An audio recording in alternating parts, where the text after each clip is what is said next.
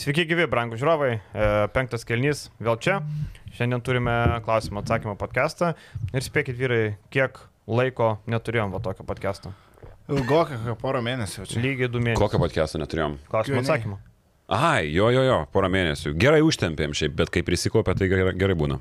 Jo, kaip sakant, kai neturi temų, galima pasimti Q&A, ne? Tai ir šiandien dar būtumėm ten slydę su finalu, su dar kažko, bet galima. Bet reikia pagaliau atiduot klausimus mokymus žmonėm. atsakymus, jo, jo. Tai gerai, tai nieko nelaukiant važiuojam e, nuo pirmų klausimų ir čia, aišku, bus ir apie finalą labai daug taip toliau. Um, kiek realu, kad Šeškus grįš į Prienus, kaip Jūs galvojat? E, galima padaryti įvadą tokį, kad um, Šeškus kol kas neturi pasiūlymų iš Jonavos, bent jau laukia. E, Prienai yra viena iš opcijų, bet aš manau, kad jeigu Šeškus grįž, tada agentų projektas pasibaigs, nes nemanau, kad Šeškus dirbs pas agentų komandą. Apskritai, arba tai yra Šeškaus komanda, arba tai nėra Šeškaus komanda. Jonavoje tai iš dalies vis dėlto buvo Šeškaus klubas, Vaidas ten, aišku, darė daug, jis ten viršūnė, bet, nu, Šeškus savo ranką turėjo. Tai faktas, kad ir Prienuose jis ją turėtų turėti, kiek atsimenu, kaip tik buvau Prienuose paskutinę mačią LKL, e, nu, tai ten nuotaikos liūdnos, ten su pora pažįstama, aišku, senų laikų likę, tai prie sakau, nu ką, kitą sezoną. Nu, sako, vadovybė atėjo, taip, žinokit, LKL žaisim, bet kitais metais tokios geros komandos kaip šiemet neturėsim. Geros komandos kaip šie, tai ne? Taip, taip, taip. taip. Tai, nu, sako, va, va tokios ir nuotaikos pas mus. Jo, tai aš nieko nepapildysiu. Šeškus yra šeškus, o jeigu jisai bus, tai turėtų būti jo komanda. Nors vėlgi gauna iš tų agentų tam tikrų žaidėjų, galėtų susilipdyti savo, bet šiaip šeškus turi savo braižą visą laiką ir aš kažkaip sunkiai įsivaizduoju prie, prie visos tos aplinkos. Bet matysim. Šiaip Prienų krepšinis, kas liečia prienų krepšinį, e, tokia negailestinga tiesa, arba jo nėra apskritai, arba jis yra tik su šeškum. Čia jau mes per eilę metų iš tą pamatę. Susidomėjimas krepšiniu, hypas krepšinio, tai buvo ten tas projektas su Žalgiriu, kai dar Ulecka žaidė. Dar, sorry, pertrauksiu pernai prienai su Šernim penktiliko. Tai, Liko penkti, bet uh, kiek uh, prieniškiai domėjosi tą komandą? Žinai, kai yra rezultatas, mes pamatėm šiemet, ar tenais bus. Jeigu prienai be Šeškaus išeis į finalinį ketvirtą, tai tą salytę žmonės netilps. Ar bus Šeškus už vairo, ar Čanakas, ar uh, Gilvydas Biruta. Nu, tai jokios... Bet Češkus yra kartu ir finansai labai, labai didžiai dalim, žinai. Pavyzdžiui, mes matėm prie Tados Tankievičiaus ir su kitais rėmėjais, kai buvo ta komanda prieš a, 10-12 metų, man atrodo, ar kažkada, kažkada panašiai.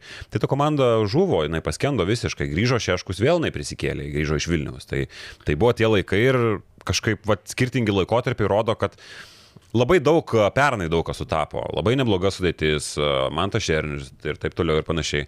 Bet iš esmės per visą istoriją daugiau tokių atvejų buvo, kad jeigu be Šeškaus, tai yra labai blogas vaizdas. Ir apie atmosferą, ir apie sirgalius, ir apie tą pačią sudėtį.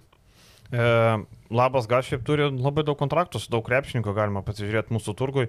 Tik Leidžius, Durkiamas, Staniulis, Valenta ir Jurgelionis. Na, du paskutiniai beveik nežaidė. E, tai vadinasi, tik trys žaidėjai e, freagentais tampa, bet e, Ignas Sargiūnas ir Rapolas Ivanauskas labai aktyviai e, parduodami kitom komandom, labai aktyviai siūlomi ir prienai tikisi, kad na, nusipirks kažkas juos, pasims tą išpirką. E, nežinau, ar kažkas mokės išpirkas, bet, bet faktas toks, kad e, prienai na, kaip tu sakai, tokios geros komandos neturės, tai nežinau, nebent išparduosi tas vietas užims jaunimas, tai tada tikrai nieko gero nesišvečia. Einam toliau. E, ką manote apie Nenandą Čanaką? Ar liks Lietuvoje, jeigu manote, kad liks, tai kur nutups? Ar Lietkabelis, o gal Žemelio projektas? E, dabar apie e, gandus e, Čanako ir Žemelio projekto. Nu, tie gandai atėjo neatsitiktinai. Pirmą kartą juos išgirdau Cidorenos Vipė. O kaip suveda Žemelio komanda ir Cidoreną? Taigi vadovybės ten Rimčiukas, visi reikalai, taip. Tai nežinau, ar iš ten išėjo, nežinau, bet e, pirmą kartą išgirdau gandus būtent tenai. Ir sako, čia kalbėjo e, žmonės e, tokie, nu galvoju, okei, okay, tai pasirodo, kad e, gali būti iš tikrųjų, ar ne? Tai Lietkabelis nori saugoti Čanaką, nori jam mokėti daugiau pinigų. Šiandien Pakėnas rašė apie 100 tūkstančių, aš girdėjau apie mažesnę sumą, bet Lietit B. 100 tūkstančių, manau, kad Lietkabelį yra per didelė suma, tada tektų dar labiau atimti iš žaidėjų piniginės. Mes kalbėjom e, prieš podcastą kaip tik su Vilium, ar gali didėti biudžetas. Biudžetas kažkiek gali būti didesnis su sąlyga, kad e, bus pigesnė Cido nuoma, nes Cido arenos administratorius dabartinis baigė savo pasirodymą su Inčiuku prieš akiją ir perima e, Panežių miesto savivaldybę. Ji kainos nustatys draugiškesnės, rinkos kainos bent jau, kaip sakė pats meras, tai vėl nežino, kiek prisidės prie Lietkabelio to gerbuvio. Bet šiaip e, taip, Čanakai saugoti yra prioritetas, Bet aš šimto tūkstančių jam nemokėčiau. Tai dar grįžtant prie lietkabelio pinigų, tai manau šiek tiek pasipildė kišenė ar nuėjo iki finalo iš bilietų pardavimo. Prasme, sezoną užbaigė geram balansą, čia jau šioks toks pliusas tiek 6 tūkstančiai ir galių, rungtynėse panevižiui yra šioks toks pinigas į kišenę. Manyčiau, aš manau, per tos tai... tris mačius, du su ryto, vienas su žalgiriu, manau, kad užsidirbo, na, na kokiu šimtą su kapeikom. Du su žalgiriu. Du su žaliu. Nu, ja. sakau, šimtas su kapeikom. Atsimink, kad tikėta labai daug pasiema. Jo, bet nu, tai, ir, tai yra... Šimtas, šimtas jau vis tiek yra pinigas. Tai kabelių tai yra pinigai, o kas dėl uh, Čanako ir Žemelio, aš gal norėčiau tik paliesti, aš tai skaičiau, kad Žemelio čia visai logiškas variantas būtų imti Čanaką, jeigu nepavyksta susitart su uh, treneriais iš Lietuvos, nepavyksta susitart, tarkim, su Adomaičiu, kuris galbūt liks Neptūne, uh, nepavyksta prisivilioti uh, Kurtinaičio. Uh, nu, vežtis užsienietį, kuris iš esmės, to žemelio tikslas kitais metais bus LKL. -as. Galbūt jie ten startuos kažkur Europoje, bet jis norės užimti kuo aukštesnę vietą LKL, užsikovoti teisę žaisti varžytis kažkur Europoje. Tai tau reikia trenerio, kuris bent kažkiek tą rinką vidaus žinotų. Šanakas, na, geresnės opcijos turbūt nėra iš užsieniečių. Bet pats, e, bet pats, e, sorry vėliau, e, bet pats, matai, arena, Asga arena labai jau trumpinti pradėjo. Kalus orkestrą persikėlė, Mamontovas persikėlė, dabar tu į komandą dar pasiemi serbą. Ta pati norėjau sakyti. Ir jo, šitas momentas ir čia reikia pripažinti, kad um, naujai komandai, komandai X neturi pavadinimo, bet jai reikia žaisti labai ant marketingo. Ja. Ja, ta pati vis dar, nepalaidokim dar. Bet iš tikrųjų tai jai reikia žaisti ant marketingo, jai reikia vardų, jai reikia labai teigiamo įvaizdžio, kadangi, nu, Buvau, aišku, arenoje ir pakalbėsim apie tai dar vėliau, penktose finalo serijos rungtynėse, bet iš to, ką kokia aura tvyro aplink rytą, kokia fanų bendruomenė, didelė fanų bendruomenė, prisiminkim, kad daug fanų netilpo paskutinės rungtynėse. Šitam klubui emocinė prasme, fanų prasme į Vilnių ateiti bus labai sunku. Mes ir taip žinom, kad e, rytas turi labai ištikimą savo fanbase, jų nėra daug, tų ištikimų ir galių, ko, ko gero jų didžioji dauguma ir buvo G parenui, bet e, tų šiaip savo krepšinios ir galių yra Nu jų yra, bet juos labai sunku pritraukti tokiam mieste kaip Vilnius, aš nežinau, daug pramogų ar, ar, ar kame bėdos yra amžinas klausimas, bet aš dar noriu atsinešti žybalo kibiriuką ir į mūsų laužą papilti šiek tiek. Tie postai iš e, Sido arenos Facebook'o ir dabar mes matom, kad Inčikas yra vienas iš vadovų naujam Vilniaus klube. Tapimas? Jie jau tada atrodė žiauriai keistai, kaip Sido arena, kodėl Sido arena pušina tokius dalykus apie menkinant rytą, apie menkinant uh, kažkaip taip uh, arenas, kad mes tai bijome, žaidžiam skarbonkę, jie bijo, jie žaidžia skarbonkę ir panašiai. Ir pasirodo, kad tas klubas, klubas, kuriam reikalinga bus uh, Vilniaus fanų bendruomenė lygiai taip pat, uh, Tai yra jo vadovas. Bet, Bet aš... Edgaras neleis sumeluoti, sorry, pertraukiu, kad Sido arena jau ne pirmą kartą naudojama. Būtent, būtent tada. Tikslu. Taip, Čia keli taip. metai atgal mm. būdavo mm. Lietkabelis iš savo komunikacijos laikosi taip solidžiai kaip klubas ir Sido arena naudojama pilt pamasgom ir tokiam alėjo keliam Tai jie kaip tik e, juokeliam, bet taip aštriai. Yra buvę, yra buvę. Treniruočio salę vadino būtent e, tame sezone, kai Lietkabelis su rytų pusfinalė žaidė. E, tame, Apie žalgirį ten irgi yra šaudę senas laikais Lavrunovičius. Tai čia galima apginti, bet kaip tik Gudelio sudyba klausė, kas ten administruoja tą, tą paskirtą ir taip toliau. Nežinau, kas administruoja, administruoja turbūt Sidorienų žmonės, e, gal net pats Tomas Inčikas, vėl nežino, bet, e, bet taip, tie postai atrodo, ir ten dar mūsų prašė pakomentuoti, ką jūs manote apie tos postus. Nu ką galima galima manyti. Nu, man, aš taip nerašyčiau, man, man auto šautų. Aš pasakysiu, ne Vilnius tokia komunikacija. Tu galėjai su tokia komunikacija žaisti, kai esi šilutė, kai SNKL klubas, nu ten irgi buvo, atsimenu, su Šilutės skandalu irgi tenais panašius postus kėlė. Tai, nu, tarkim, tu gali pataikyti Vilniui, tu su tokia komunikacija nepataikys. Rytas puikiai supranta, kaip reikia komunikuoti Vilniui. Tas LGBT baneris buvo labai laiku ir labai vietoj, žino Rytas, kas yra jo auditorija, kas yra Vilnietis ir su kokiom vertybėm eina Vilnietis šiuo metu. Tradicinis e, Gedimino prospekto hipsteris ir Vilnietis tikrai neįs paskui tokią komunikaciją, kurią dabar... Sako pačiulis Vilniaus sėdmaišis. Taip, Vilniaus sėdmaišiai tikrai neįs paskui Sidorenos e, komunikaciją.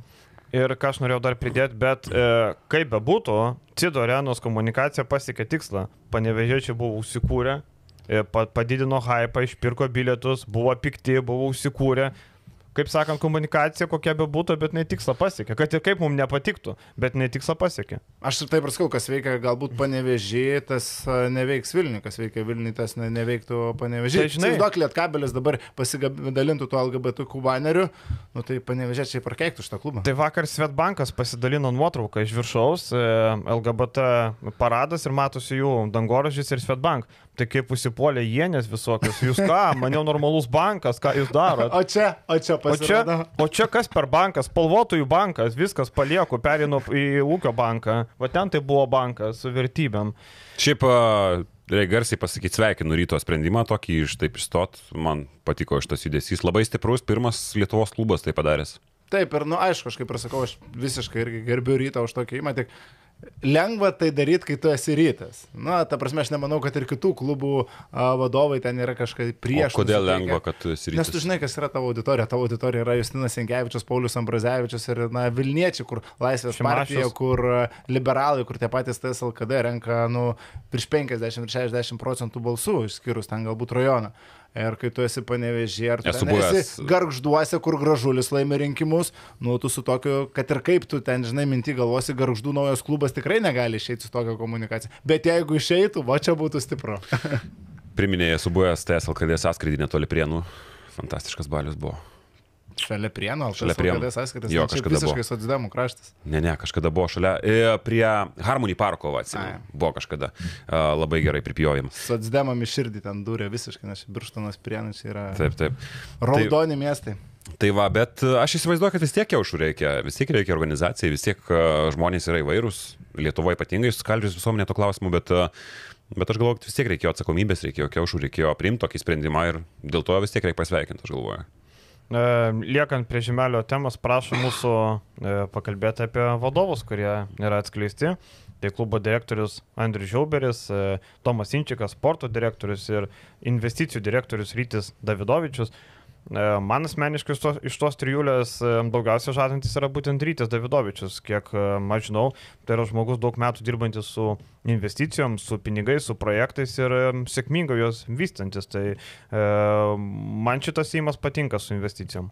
Vienintelis žmogus, kurį Facebook'e drauguose turiu iš šitų, tai, tai, tai tik tiek, tik tiek ir žinau, o kaip kitų aš ir nelabai buvau, buvau girdėjęs net iš tikrųjų. Man šitas irgi kažkur, kažkur pavardė, kažkada buvo kažkur praslydus ir kažkur kažką buvau girdėjęs, bet e, daugiau tai nieko negaliu pasakyti. Ir na, vis tiek a, ž- žmogus ėjimas su Lietuvos regbiu, kaip regbis, nežinau kiek tai yra jo nuopelnas, bet kaip regbis save pateikė, tarkim, per pastaruosius keletą metų, a, tekę būti ir Lietuvos rinktinės rungtynėse, nu man visai patikdavo tas įvaizdis, mm. kuris buvo kūriamas apie Lietuvos regbio rinktinę, apie regbį Lietuvoje, tai galbūt prie to sus, susijęs yra Rytis Davidovičius, bet čia jau tik mano Ir finansus Spėjimas. pritraukia. Irgi. Taip. Jo, ir atsimenu iš tos pusės, man teko net komentuoti regbį, kas labai kei- keistas, aš ten nelabai kas. Bet, nu, visi stendai, viskas iš šitos pusės buvo gražiai paruošta, nors faktas, kad ten pinigų nėra milijonai, bet, nu, iš komercinės pusės buvo pateikta ir įviniota į papiriuką labai gražiai transliacija, kelių kamerų, viskas sudirbta, pinigai švarūs, viskas gražu. Apie Andrių Žiauberį galima pasakyti, kad e, bent jau Vilniui labai teigiama nuomonė, kad gerai valdo areną, kad geras žmogus, kad man neteko susidurti, nežinau, tiesiog tiek. Tomas Inčikas daugiausiai kelia aistrų, bet turbūt kelia dėl to, kad tas kotletų pasisakymas legendinis visiems dar primenamas ir kad e, ko norėjote apie bilietus, kai Vilniui Kievo kotletas 12 eurų kainuoja ar kiek ten.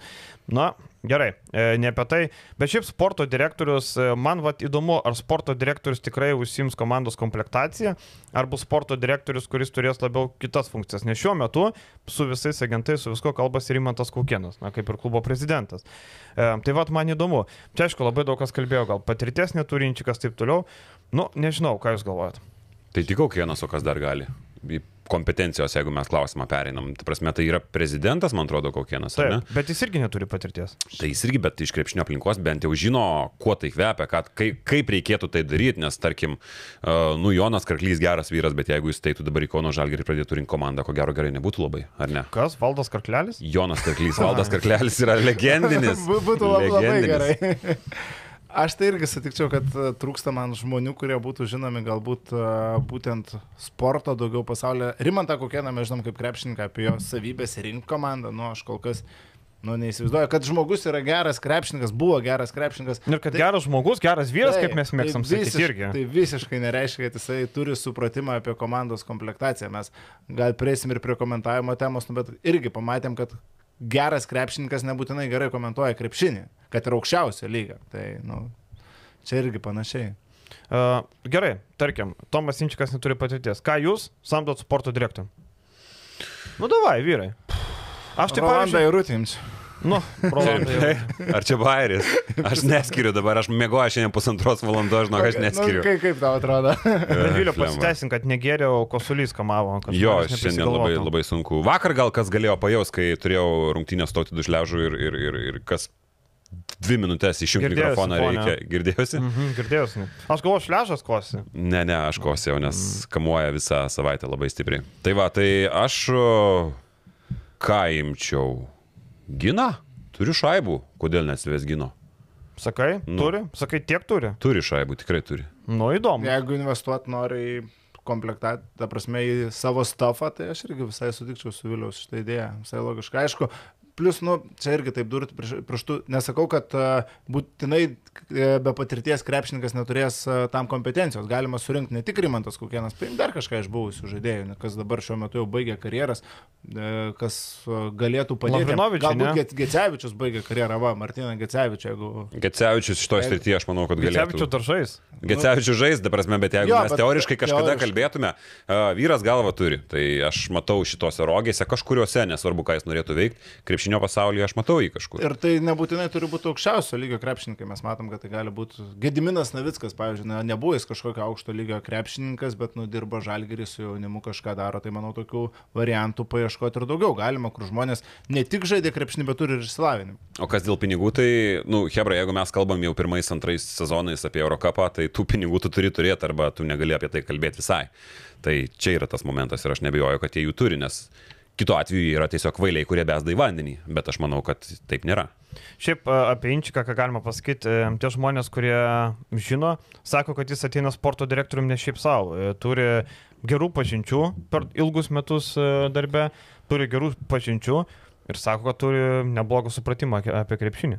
Gali Tai, būti čia. Žinai, tas galvoju. nepatirtis nebūtinai reiškia, Motyvinas turi daug patirties ir ką mes gavom šį sezoną su daug patirties, špyga taukuota. Tai, žinai, e, galima paieškoti, aišku, tų įdomių variantų, bet man atrodo, e, BHC eina tuo keliu, kad nori savo vadovus auginti, nori savo pasidaryti. Ten e, Žiauberis gerai dirba arenos direktorium, galės atlikti ir klubo direktorius pareigas, kurios na, nėra kažkokios ten labai stebuklingos. Morytis irgi su investicijom, irgi savo rogėse. Šiaip tikrai nėra taip, kaip kad čia ir sakom, kad žmogus turi būti būtinai buvęs krepšininkas, kad suprastų krepšinį. Anaip tol, jeigu šie žmonės turi kompetencijos, tai primint, tik mes to nežinom. Šiuo metu ar Taip. jie tos kompetencijos turi, čia vienintelis klausimas. Gerai, einam toliau. E, Čia buvo daug klausimų apie rytą, komplektaciją, biudžetą ir taip toliau. Arnas Butkevičius tikrai pasikėlė vertę, ar rytas turi šansų išlaikyti, ar reikia išlaikyti. Mes kalbėjom, kad gal reikia paleisti Arną, kad... Bet rytas dės visas pastangas įsaugoti tą brandolį, kuris yra. Rytas nori daugiausiai trijų pakeitimų.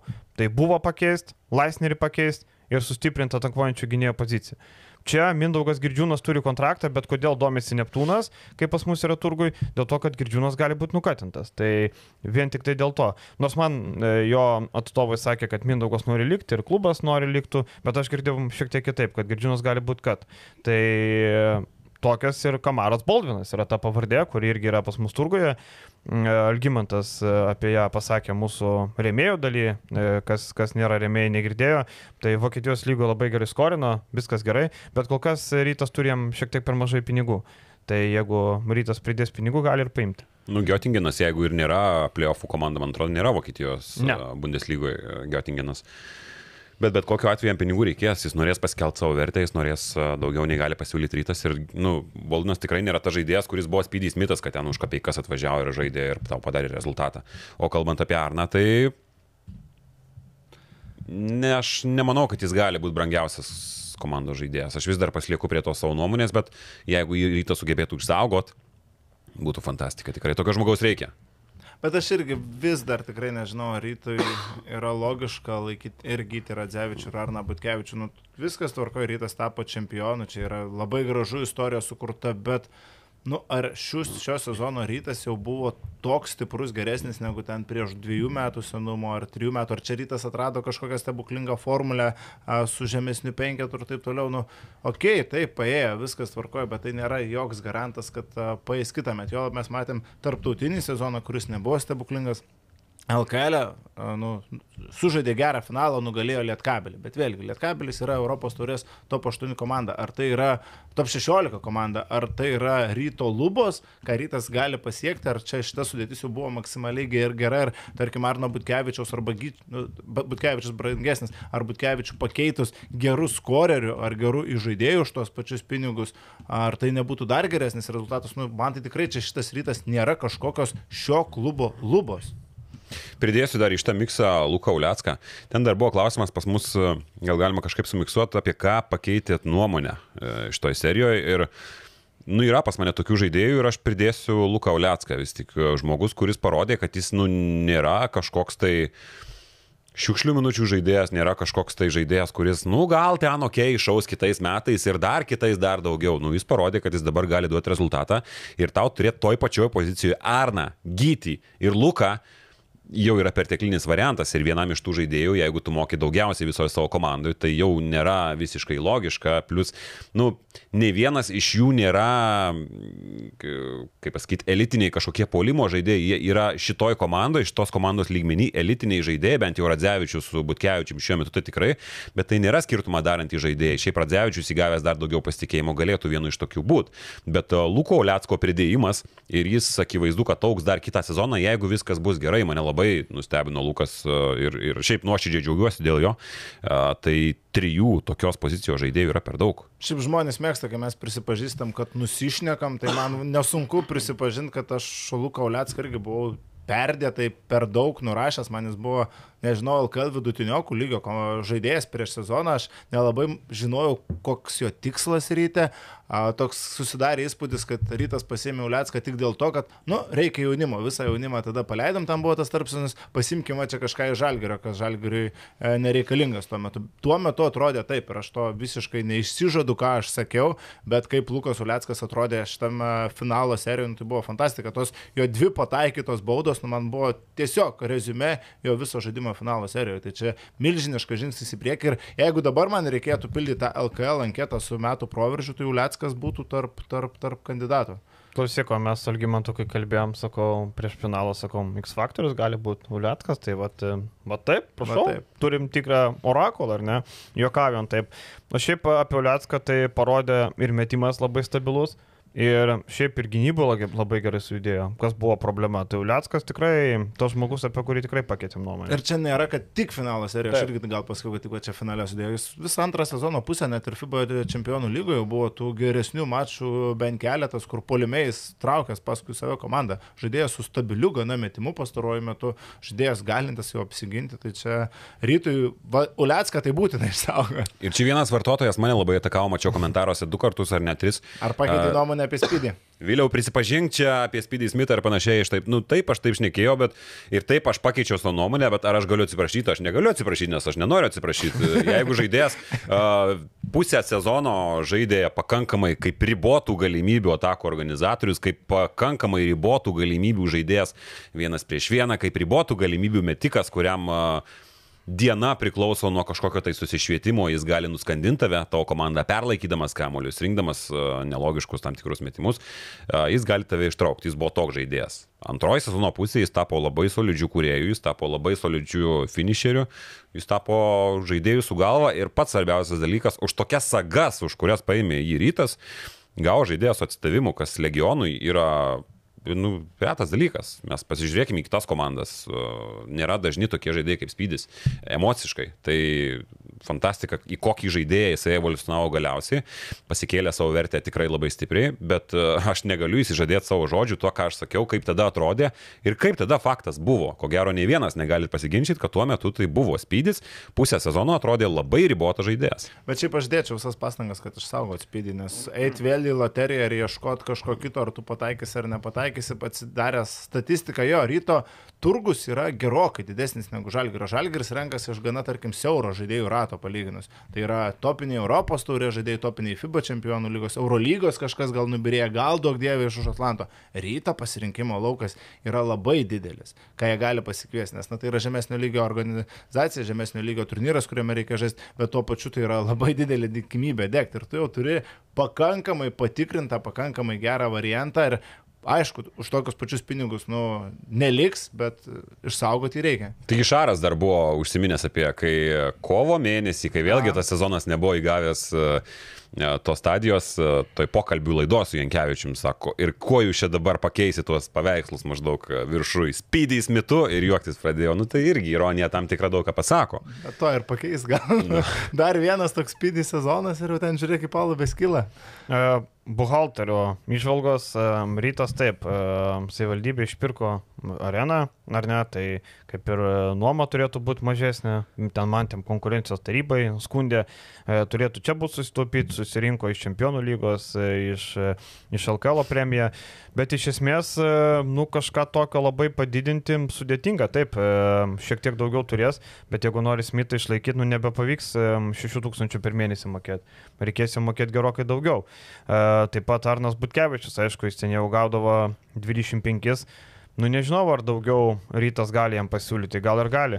Bet e, nežinau, vakar pavyzdžiui, Odangol laidoje Mindaugas Brazys sakė, kad Butkevičius prieaugęs Eurolygos lygį žaisti rolį Eurolygos komandai. Aš nematau jokios Eurolygos komandos be žalgerio. Jūs įsivaizduojat? Tai žinai, prieaugęs Eurolygos lygį, ar jisai galėtų žaisti ir tenais neprapultų, manau taip, ar tai būtų didelis skirtumas. Dar kokioj komandai jį matai, pavyzdžiui?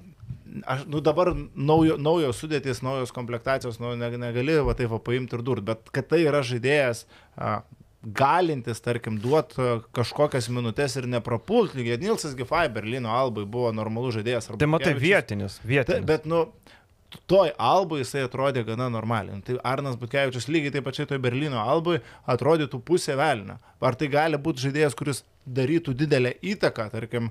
Tai niekas nesako apie įtaką jo.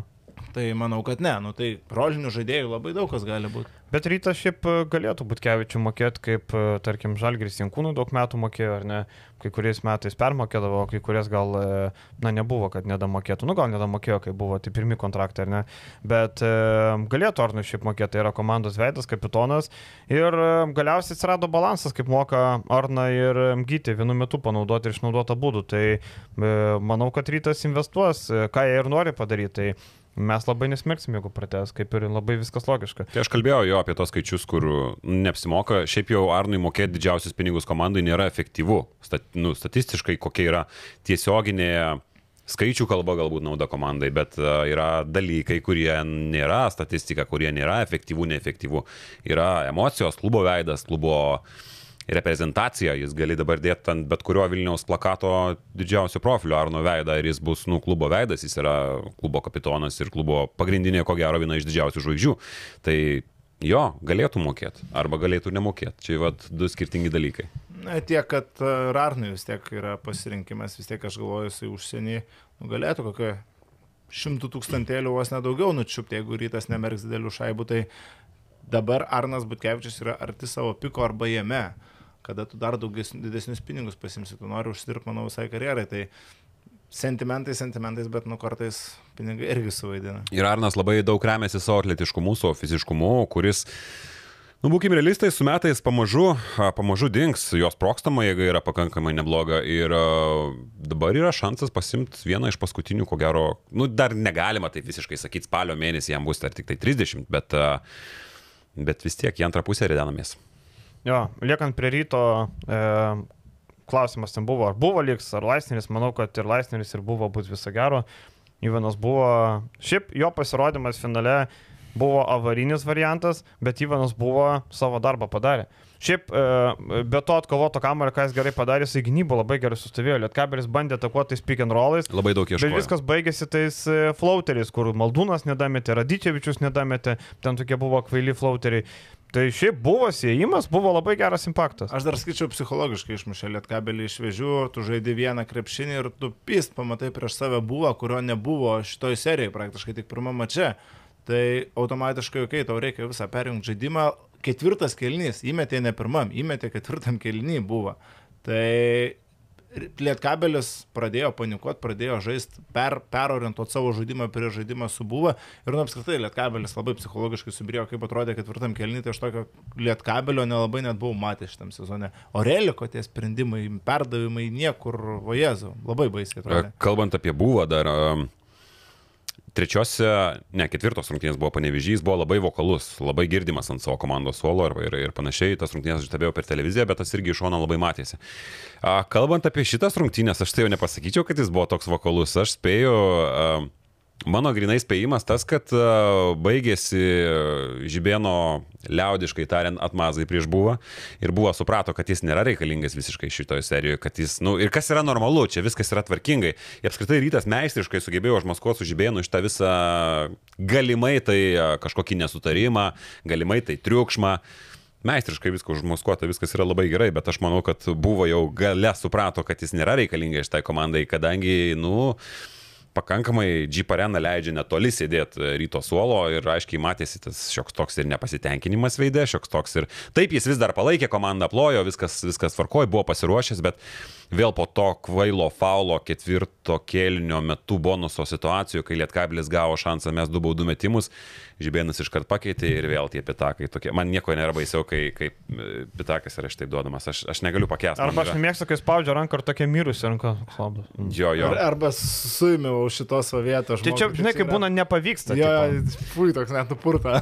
Bet čia tokie mini dalykai, nes uh, buvo įnešė savo, jo labai ieškojo Lietkabelis, Čianakas iš karto suprato, kas yra įmestas į aikštę ir kuo reikia naudotis, nepasinaudojo ne per kur. Buvo tokių smulkmenų, sako, kaip ta bauda nereikalinga, kur gavo šansą mes du baudas vėliau Lietkabelis, bet iš esmės buvo savo darbą padarę. Čia yra toks mikro pastebėjimas, kad buvo požiūrio kampas į rungtynės šiek tiek skyrėsi, kaip jis buvo užsivedęs prieš tai. Dabar jis buvo šiek tiek nusivylęs, tai buvo galima pastebėti šalies. Ir grįžtant prie klausimo, manau, už tokius pinigus bet kokiu atveju Ivaną buvo galima pakeisti neprastesniu aukštų ūgiu, kuris duos tą pačią arba didesnę naudą, galbūt nebus toks pažeidžiamas gynybai. Tai čia šitoje pozicijoje rytas turi galimybę netgi sustiprėti už tuos pačius pinigus, kuriuos mokėjo buvai.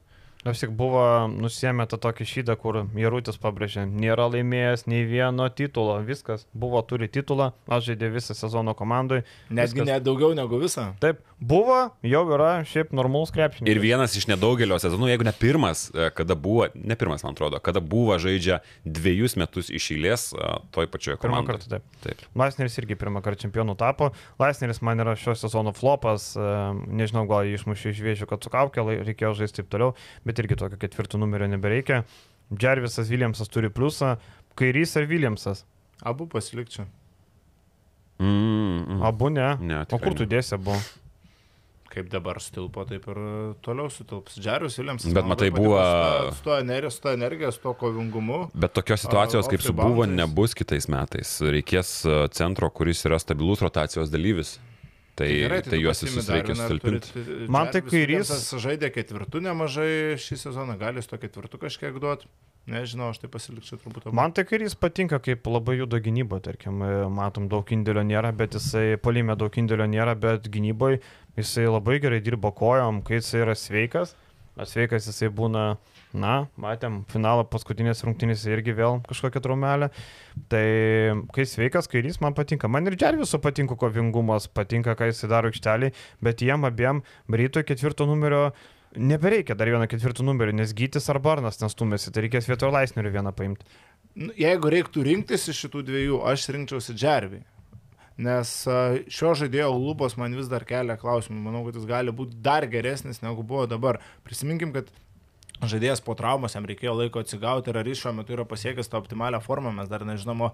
Tai, ką jis davė rytui, tuos atkovotus kamuolius, tą energiją, tą jėgą, nu, tokių aukštų augių šiuo metu europiniam krepšinį, bet kokiam kontekste reikia ir jie nesimėto taip lengvai. Šitas žaidėjas gali pasiekti normalios Europos turės komandos lygį, aš galvoju. O ką darom su Vaidu Kariniausku? Reiks, sakau, Vaidas ir pripažino pas save Facebook'e ant sienos rašė, šiaip nelabai sklandžia anglų kalba, bet viskas tvarkoja nuoširdžiai, kad nu, daug skausmų ir mes kalbėjom savo podcastuose ne kartą ir aš sakiau ne kartą, kad nu, akivaizdu, kad jį riboja, kad jį labai stipriai riboja, jo prasiveržimai, jis neturi jokio žingsnio. Čiurno uždegimai. Jo, ir tai labai svarbu. Pagal lygį man nekėlė klausimų, ar jisai gali žaisti. Mes kartojam tai ant kartų, senoji studijoje, iš to ne galbūt, bet uh, jis yra šito lygio žaidėjas, viskas yra su juo gerai, bet uh, tos problemos veikatos, nu, jam neleido atsiskleisti. Ir, Ir tai buvo nuvilintis sezonas, bet nuvilintis dėl tam tikrų priežasčių, kurias aš ką tik paminėjau. Tai nežinau. Kurias galima likviduoti. Reikia nekartot Pauliaus Motijūno praeities klaidų ir padaryti medical checką išsamų ir išsiaiškinti, ar jisai gali žaisti stabiliai ar ne. Ir šiaip rytui, nu, vis tiek, aš suprantu dabar euforija, iškovotas titulas, gerbėjai triumfuoja, bet na, nereikia užsiliuliuoti ant to čempiono titulo, ne viskas šį sezoną buvo taip tobulą ir tas problemas vis tiek reikia savo įsivardinti, kas buvo gerai, kas pavyko, o kas vis dėlto ne. Rytas nelaimėjo LKL dėl to, kad nušlavė Žalgirį finale, kuris Eurolygos top 8 žaidė. Ne, Rytas laimėjo prieš Lietkabelį, Žalgiris šį sezoną buvo apgailėtinas. Ar toks Žalgiris bus dar artimiausius kelius metus? Nu, vargu. Tai reikia suprasti tą faktą, kodėl buvo pasiektos pergalės, kas leido jas pasiekti ir ką reikia tobulinti. Tai čia darbo tikrai rytas turi irgi gana nemažai. Ir tas sakyt, kad išlaikyti čia viską ir viskas bus gerai, nu, su to, jeigu viską šitą idealiai sudėti išlaikysi kitam sezonui, aš nebūčiau garantuotas, kad jie į finalą išeis, kai ateina Žemelio klubas. Ir čia mm, jokia taip, pretenzija rytui. Taip, taip. Ir, ir Iš vienos pusės mes e, labai, nu, mes labai daug kas kalba apie Lietkabilio nuovargį ir panašiai, ir kad Lietkabilis padėjo visas jėgas serijoje su Žalgiriu, bet čia yra nu, tiesiog ryto nuvertinimas. Įeit į seriją, finalo seriją su fizinė kondicija, kodėl mes kažkada girdavom e, Grainį ir Navicką, kai Žalgiris atėjo 2018 metais į Final Four, į LKL su aukščiausia topinė fizinė būklė. Kodėl mes dabar negalim rytui to kredito duoti, čia yra ryto pranašumas, o ne Lietkabilis Lietkabelio silpnybė, čia yra jų persvara ir tai yra jų įdirbis ir čia reikia iš tą pasakyti. Tai man nepatinka tas uh, nuvertinimas. Ir ryto įdirbis yra tas, kad jie pirmi liko reguliariam sezonui, jie patys savo pasiklojo tą lengvesnį kelią link finalo. Ar čia to iš jų atim tikrai nereikia. Jie laimėjo reguliarų sezoną, jie nežaidė su Žalgiriu, jie nežaidė su Juventus, su Neptūnu nežaidė, jie žaidė su Dzuki ir Šiauliais, bet jie žaidė dėl to, ne dėl to, kad jiem taip sukrito, dėl to, kad jie viską padarė reguliariam sezonui. Aš tai, jeigu baigiant apie Kariniauską, aš pasirinkčiau Kariniauską, duočiau dar vieną šansą.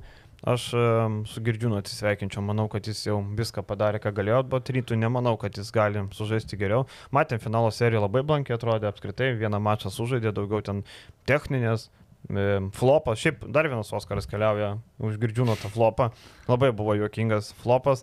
Girdžiūnui keliaučiau atgal į Klaipadą pas Dainio Domaitį, manau, kad jis tenai duotų labai didelį impactą Klaipadą ir pats būtų laimingas ir visi būtų patenkinti, rytas taupytų ten tuos 110 tūkstančių ir galėtų investuoti į gerą žaidėją. Sakai, Klaipadą pamiršau jau? Tai domisi, nori. Norim. Nori. Klaipė. Kluba, klubas, klubas nori. O Klaipė dar pamiršo tai klausimą. Ar, ar, atlaikė, ar atlaikė bortai? No. Tada nuskendo laivas naują pastatė. Nu. Ką jūs norit? Gerai, einam toliau. E, atsakykit be užuolankų. Į ne vieną specialistą pasakytą teiginį, jog šiemet nerytas namie LKL, o tiesiog Žalgeris pralaimėjo. Kokia jūsų nuomonė? Tai mes ką tik tai kažkiek ir pasakėm, nu, tai nėra Ai, tai visiškai vat... teisinga, tai negalima taip sakyti, nes iš ryto... Negalima atimti nuopelnų. Nu. Taip, ryto, ryto nuopelnas yra čempionai.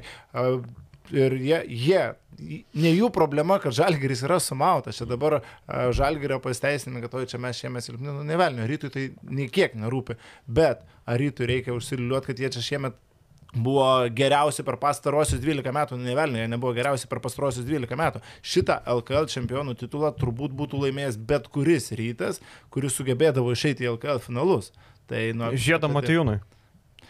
Tai va, aš, aš, aš, aš tą ir norėjau pasakyti, iki kol nepamečiau savo minties, kai sakiau apie Fizor ir visą kitą, bet uh, jo, reikia nukelti kepurę ir labai patiko ar Žibėno, ar, ar Butkevičiaus citata, kad e, ar džiaugiatės, ar liūdit, kad išvengėt ryto, kažkas paklausė. Ir jis sako, Žalgirio, Žalgirio mes nu, nugalėjom Žalgirį, reguliariam sezonė 2-1 baigėm, viskas varkoja mūsų pranašumas ir, ir rytas padarė savo įdirbį ir ryto čempionų titulas yra absoliučiai geriausia LKL komanda, visa kita neįdomu, istorijoje, Wikipedijoje, jis kiekvieno žaidėjo liks tas įrašas ir jis yra pelnytas. Bet jeigu atsakant tiesiai į klausimą, taip, iš esmės taip ir yra. Žalgiris susimovė istoriškai stipriai. Istoriškai. Šūdų krūva gavosi. Ir a, šiaip reikia pripažinti, kad tas dominavimas Jis yra pristabdytas šiais metais, okei, okay, istorijoje toje pačioje Wikipedijoje išliks tas įrašas, a, bet jis niekur nedingsta. Viskas, hierarchija Lietuvoje lieka ta pati. Bet šiuo metu, kai rašysim antraštis, galėsime apie žalgį rašyti trečios vietos laimėtojai. Bronzininkai. Bronzininkai. Bronzininkai. Tai visas, visus Tai, metus. Žinai, pradėkime nuo to, kad nu, viskas jau tiek dėliojosi. Žalgiris ketvirtfinalį nu, prieš Neptūną nesugeba sausai serijos laimėti, nudeina į penktas rungtynės ir nu, prieš Lietkabelį nesugeba laimėti. Kai tavo pagrindinis konkurentas, pagrindinis uh, varžovas, kuris yra už tave daug turtingesnis, teoriškai galintis turėti geriausią sudėtį, yra toks, tu privalai. Taip, tu šaunuolis, kad tu tai padarai, bet tu privalėjai. Tai ta šią galimybę pasinaudoti iš esmės. E, ką aš norėjau, jį ne in Jan pabūsiu ar ne.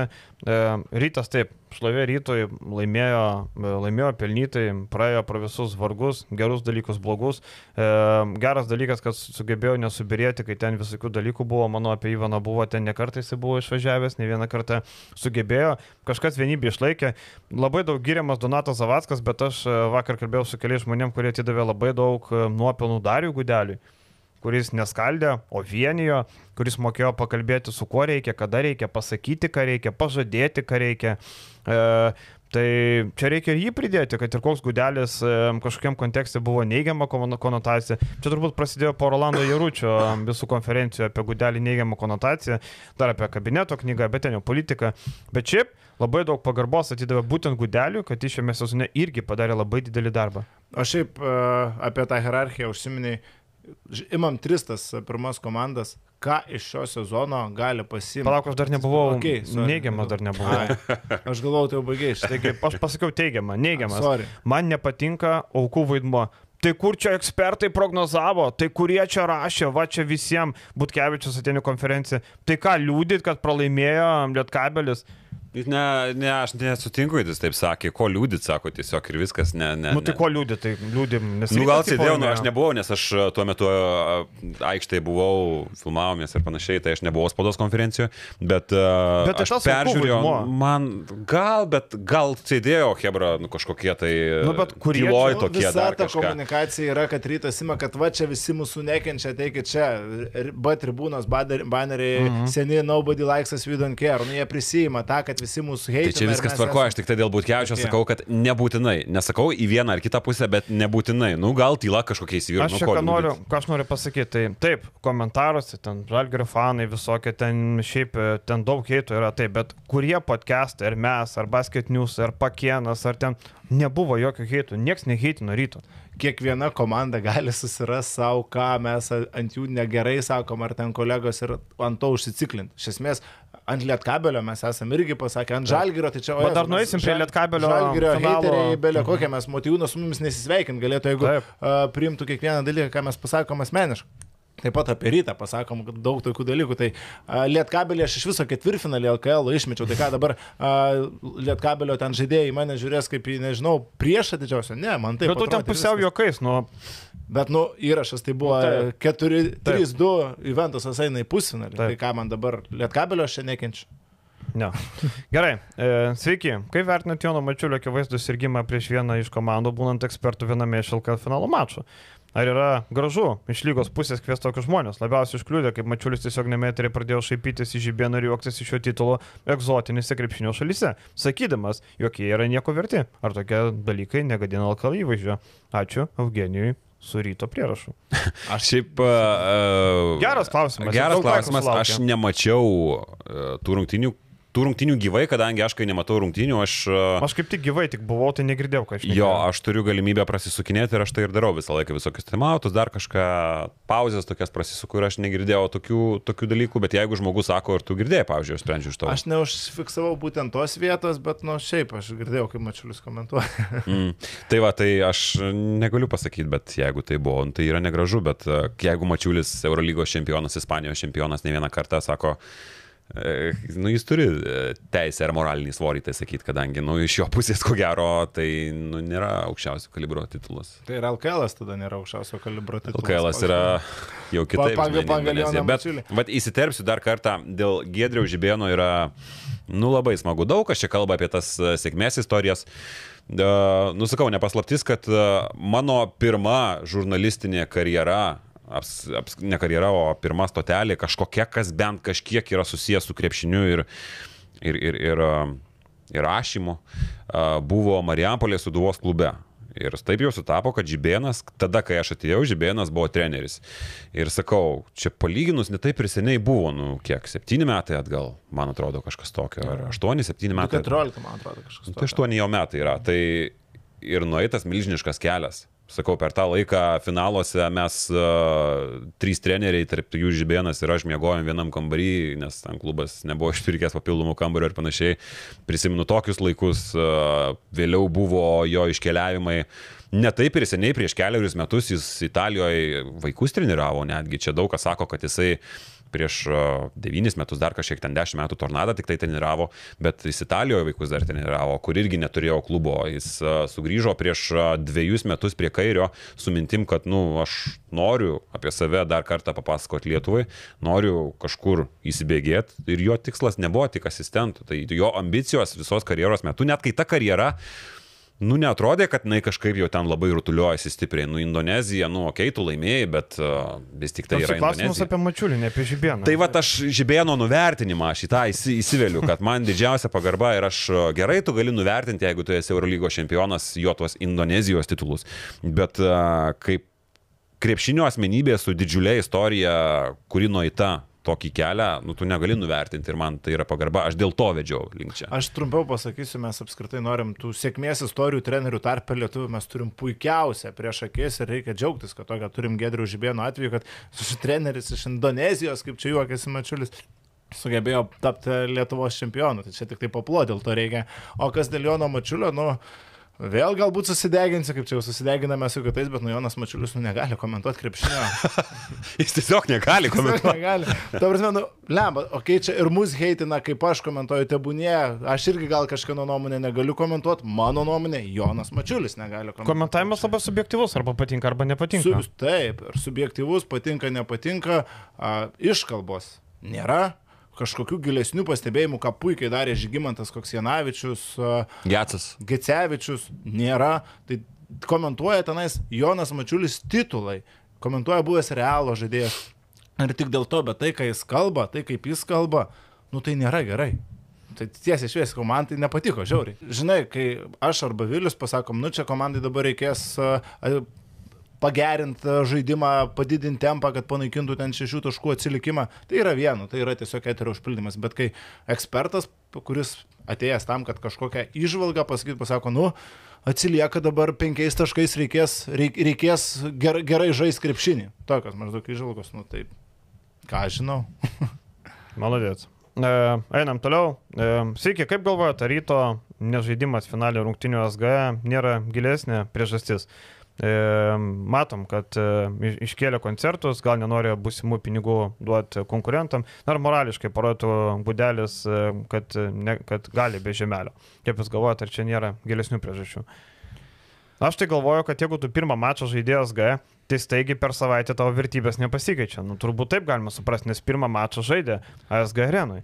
Bet kažkodėl e, po to, po to nebe. Būtų labai negražus bandymas pritemti prie to naudojantį situaciją, nes tikrai priežastys netokios. Ne, aš irgi nemanau, nes e, visą laiką, visais laikais krepšininkai sakydavo sezono pradžioje.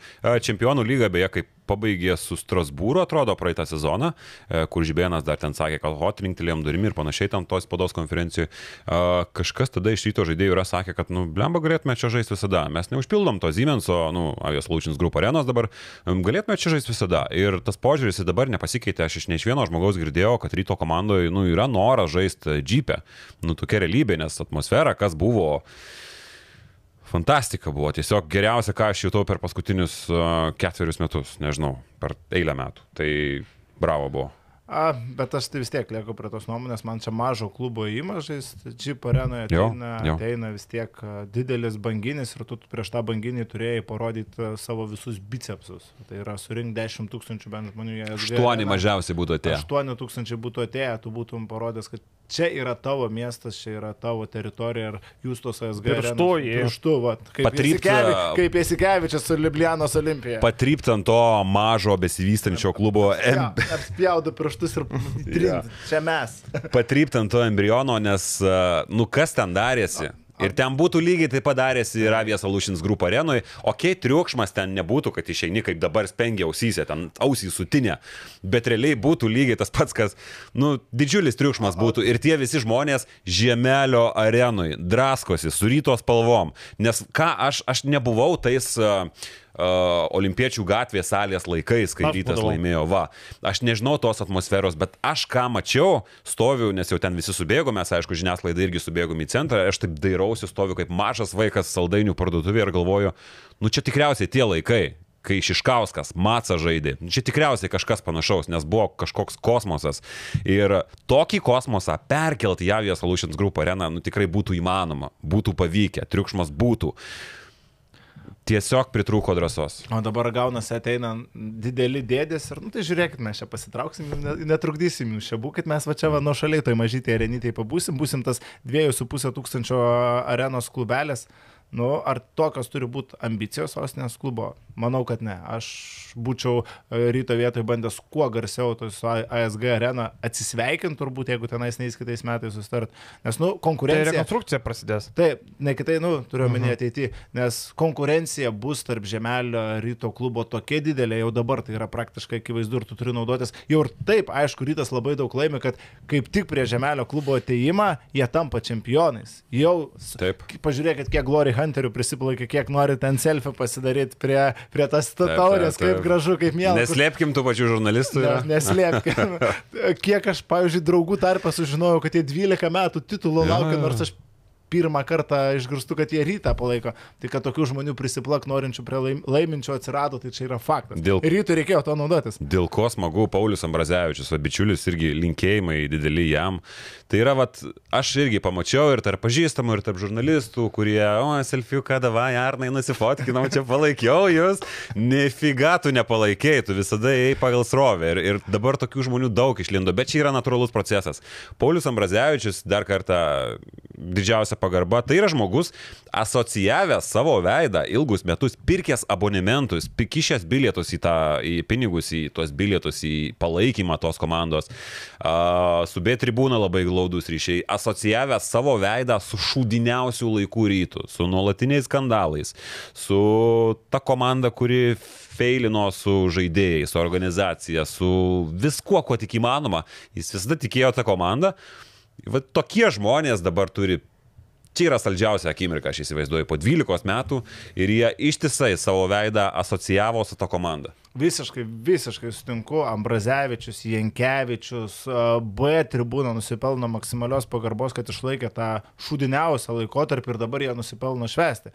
Tuo tarpu ten tie prisiplakeliai, nu, atrodo šiuo metu juokingai. Tai tiek, beje, Bartuševičius šiaip irgi yra a, ryto fanas, jisai gal tiek nesocijuodavosi, bet čia nėra. Iš tų atvejų, kur prisiplakėlė prie laimėtojų, nes šiaip žmogus iš Vilkijos, Lipkevičiaus brolio klasiokas, bet už rytą. Ir Jankievičius, dar vienas žmogus, kuris visą laiką buvo ryta, visą laiką pozicionavo, išlaikė visus trolingus, viską irgi maladėt.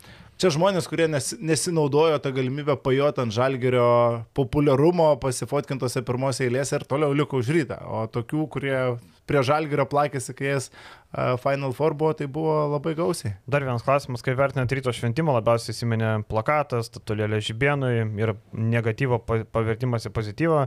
Rytas, e, bababa, gal pagaliau išnyks neigiamas šleifas nuo ryto. Man atrodo, kad kaip tik kitą sezoną rytų įslystelios, pavyzdžiui, pralaimėjus kokį Dzukijai, Prienam arba pasvalio pienų žvaigždėm bus labai, o, pažiūrėkit, čempionai, pažiūrėkit, man atrodo, tai bus, ne?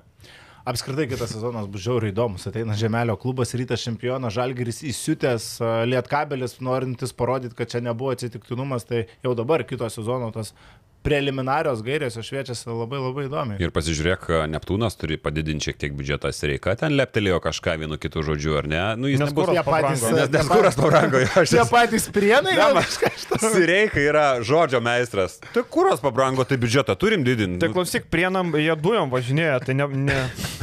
Tai ir pasižiūrėkite, lygoje brangsta, bus blemba, 12 žinai. komandų. Dėl tų mūsų vietinių lietuviukų visi pešės kaip šunys dėl mėsos. Kaip aš savo šuniui vištienos padedu, jisai belia kaip draskosi. Čia bus žinai, kad šunį vištieną šiaip nelabai galima. Triedžia blemba, tai tik dabar supratau, visą laiką triedžia. Krauju visai nesiniai pradėjo, bet čia gal ne podcast'o temai, ne? Tai a, vėlgi, 12 klubų, padidės konkurencija dėl lietuvių, a, daugiau turtingesnių kažkiek klubų, nes nu, tas lygis turi aukti. Jeigu mes sutikom, ko gero, kad jis neaugo, šiek tiek pakrito per pastaruosius dviejus, trejus metus, priklausomai nuo žalgerio, tai kitais metais jis paauks, nes šiemet jau buvo lygio prasme, aišku, intrigos prasme buvo topas, nešneku, bet lygio prasme buvo šiek tiek vėl smūgtelėjęs, bet kitais metais bus geriau. Bet čia pamatėm, kad uh, žmonėms dažnai reikia intrigos, o tas Taip, lygis. taip. LKL išlošė dėl to, kad žalgeris šiemet susilpnėjo geriau. LKL yra naudingas silpnesnis žalgeris, man toks įspūdis susidaro. Dar visai, kai galvojam atvirkščiai. Tarkim, atsiminkim, kai e, Utenos komanda laimėjo prieš rytą ir ten buvo Utenos e, priekaištai, kad žiūrėkit, Milašius su Brazausku išėjo nukabinę galvas, sugadinsim renginį. Po to, kai buvo, kad teisėjai nuteisėjavo, žiūrėkit, lygai palankiau, kad rytas žaistų Final Four. Nu, Tai čia. Tai ir dabar teisėjai ištraukė rytą, ten pasiskaityk po... Jurgis. Ant Jurgio lojo per paskutinį mačą, ten e, Zavackas šokinėjo, reikia, mo, Jurgis čia vėl, tas Jurgis vėl. Labai nemėgsta Jurgio. Aš turėjau... Paskutiniam podcast'e, man atrodo, sakiau, kad Zavackas wow, užstojo Gudelio ir Čianuko konflikte, parodė šaltą kraują, gal kažkaip seniai buvau prie jos idėjas. Nu, Hebra. Kiekvienas švilpukas. Nesigilina Zavas, reikia, nereikia, jis buvo teisingas ar ne. Tu, na, tavo tėvą motiną. Nu gerai, gal aš to ne, bet nuo aukščiausių lygių lipa ant teisėjo. Čia primena Cerveno Zvezdą turbūt. Jo. Sargalius, jo. tai za, za, Zavatsko priešingai nei jų neišmetė po dviejų kelinių. Kitas klausimas, ką manote apie dudelės ir garsinės pompas, kurios ypač populiarios visose miestuose skyrus Vilnių Kauną? Šiaip esam kalbėję, nu blogai, ką, ką čia Man irgi pasakysi. nepatinka. Prasme, aišku, džiugu, kad jų yra sumažėję, Žalgirio arenai, Jeep arenai. Tai bet va ir sako, kad skyrus Vilnių ir Kauną. Žalgiris netgi uždraudė neštis jas, tai čia daug kas nepatenkinti buvo, bet nu faktas, pažiūrėkit, kokia dabar yra pagerėjus atmosfera tiek Žalgirio rungtynėse, tiek a, ryto rungtynėse, lyginant su, tarkim, 5-6 metais. Atgal organizuotas palaikymas yra stipriai žengęs į priekį, tiek B tribūna, tiek Žalgiros ir galiai. Mano nuomonė per pastarosius 6-7 metus patobulėjo. Prisiminkim, kas dėjosi Žalgirio arenai prie tose top 8 rungtynėse Eurolygoje. Ten būdavo kosminė atmosfera. Dabar kalbam apie kosminę atmosferą Jeep arenai, net nebejoju, kad tai būtų ir ASG arenai bus tikrai labai solidi. Tai palaikymas tikrai pagerėjo ir pagerėjo būtent dėl supratimo pasikeitimo, kad gali paprastas ir galios atsisėdęs dainuoti, bent ploti ritmą ar kiek tai daug priduoda. E, gerai, E, jo, apie tas dudas, tai man irgi, e, aišku, mažesniem miestam, kurie, na, neturi tos palaikymo kultūros, gal geriau duda negu tyla, ne, negu ta tokia teniso tyla, kur įmeta paploja ir po to tylų. Bet man irgi nelabai tos, ypač tos pompas, kur atsineša, kur ten apskritai jau ten. Būna tos, kur a, kaip šitaip, Taip, taip, taip, taip. gaisrinės, ten tos, kur signalų specialiai duoda, Mhm. ten košmaras visiškas. E, Kitas klausimas, e, kokį čia klausimėlį. Ai, štai. e, Ar yra šansų, kad Eurocapė žais dvi LKL komandos? O kodėl šis klausimas? O todėl, kad Žemelis bando gauti Eurocapo vietą jau dabar. Ir bando gauti, kodėl? Nes Eurocapui reikia komandų. Eurocapui reikia komandų ir e, Valencija turėtų būti out, Partizanas out, Lokomotyvo nėra. Trys komandos. Ir e, kiek aš girdėjau, yra problemų, na, nėra taip lengva surasti tų komandų, nes geros turkų komandos turi kontraktus su Čempionų lyga. Italijos komandos, e, kai kurios irgi turi su Čempionų lyga, kai kurios jau padavė paraškas, daugiau nebepriimsi. Ispanijoje viskas irgi, ką galima jau buvo ištraukti, Unikaha, tarkim, Čempionų lyga ar ne. Vokiečiai, prancūzai, galime kažką nebent. Jo, nebent bandyti tenai, bet vok... nebent vieną vietą pridėti vokiečiam, žinai, gal prancūzai irgi, pažiūrėk, Dižonas, Strasbūras turi kontraktus irgi su Čempionų lyga. Mm. Tai realiai pasižiūrėjus, kad ir kiek mes turim didelę Europą, daug komandų, bet surasti trys komandas adekvačia šiam e, Europos tauriai yra reikalų. Tie, kad nor Europos taurė patikės iš karto Alitaus, Alitaus per brūkšnelį Vilnius projektų, čia irgi, žinai, įsileist. Ok, žemelis ten turi svorio, ten kaip jisai kalba, tai iš vis Eurolygoje duris gali kojom atidarinėti, bet, bet ar, Nes pažįsta taip, ar taip iš tikrųjų yra, ar taip iš tikrųjų yra, nu... Aš tai manau, kad pagrindo vis tiek tom kalbom yra, bet uh, iš esmės nu, lygai profesionalumo kažkokio tai įvaizdžio prasme nepridėtų iš europinės pusės, iš bendros pusės žiūrint. Nu, mes ten žinom, kad jo žemelė čia ateis ir su šaibom ir, ir turės gerą komandą, bet, atsiprašau, iš Europos pusės, nu, niekas to klubo nežino ir net nenumano, kas čia bręsta galbūt ir kas čia gali būti. Ir pasižiūrėti klubą, kuris įkurtas 2022 metais ir žaidžia 2022 metų, 2023 metų Europos taurės antro pagal pajėgumo iš karto klubinio turnyro grupio etape. Nu, man tai nėra labai solidu. Ir dar bent jau ateitų su iš karto SG arena, o dabar ateina su Alitaus arena, kur, nu, nu, nėra tokio. Bet atitinka reikalavimus. Tai reikalavimus atitinka, bet tu išskirtiem sąlygom įsileidi komandą, kuri atitinka reikalavimus. Ne, neviršė, ne yra kažkoks gražus tavo popieriukas, kaip ateitų su SG arena, iš karto rekonstruota 14 Sostinė. vietų sostinė Vilnius, a, konkurencija su rytu, kuris į čempionų lygą pabėgo dabar. Man, pavyzdžiui, Ali, tai yra vis dar Alitaus klubas. Man pavyzdžiui, čia toks variantas būtų dar vienas parodimas, koks yra Europos klubinis krepšinis iš tikrųjų. E, Kaip viskas Tau galima. Parodymų? Ko, nu, dar vienas, nu, toks, va, turim tortą Maskorponės gerą ir vogytę, takst, užmeti, va, Žemelio klubas. Gali dėdė ateit, prasisakstyti tris pirmas sagas. Žiūrėkit, babkės, mes žaidžiame Europos taurę, jis atsiprašau, stalas. Jis taip į LKL atėjo, jo, nu, perpirko klubą, bet ir iš esmės, dar pakcentuosiu kartą, antras pagal pajėgumą Europos klubinis turnyras. Pasižiūrėkime, UEFA, kiek klubai eina iki grupių etapo. Prasmunka visokie padniestrės klubai, dar kažkas, nu, bet jie prasmunka sportinių principų, tu negali pykti.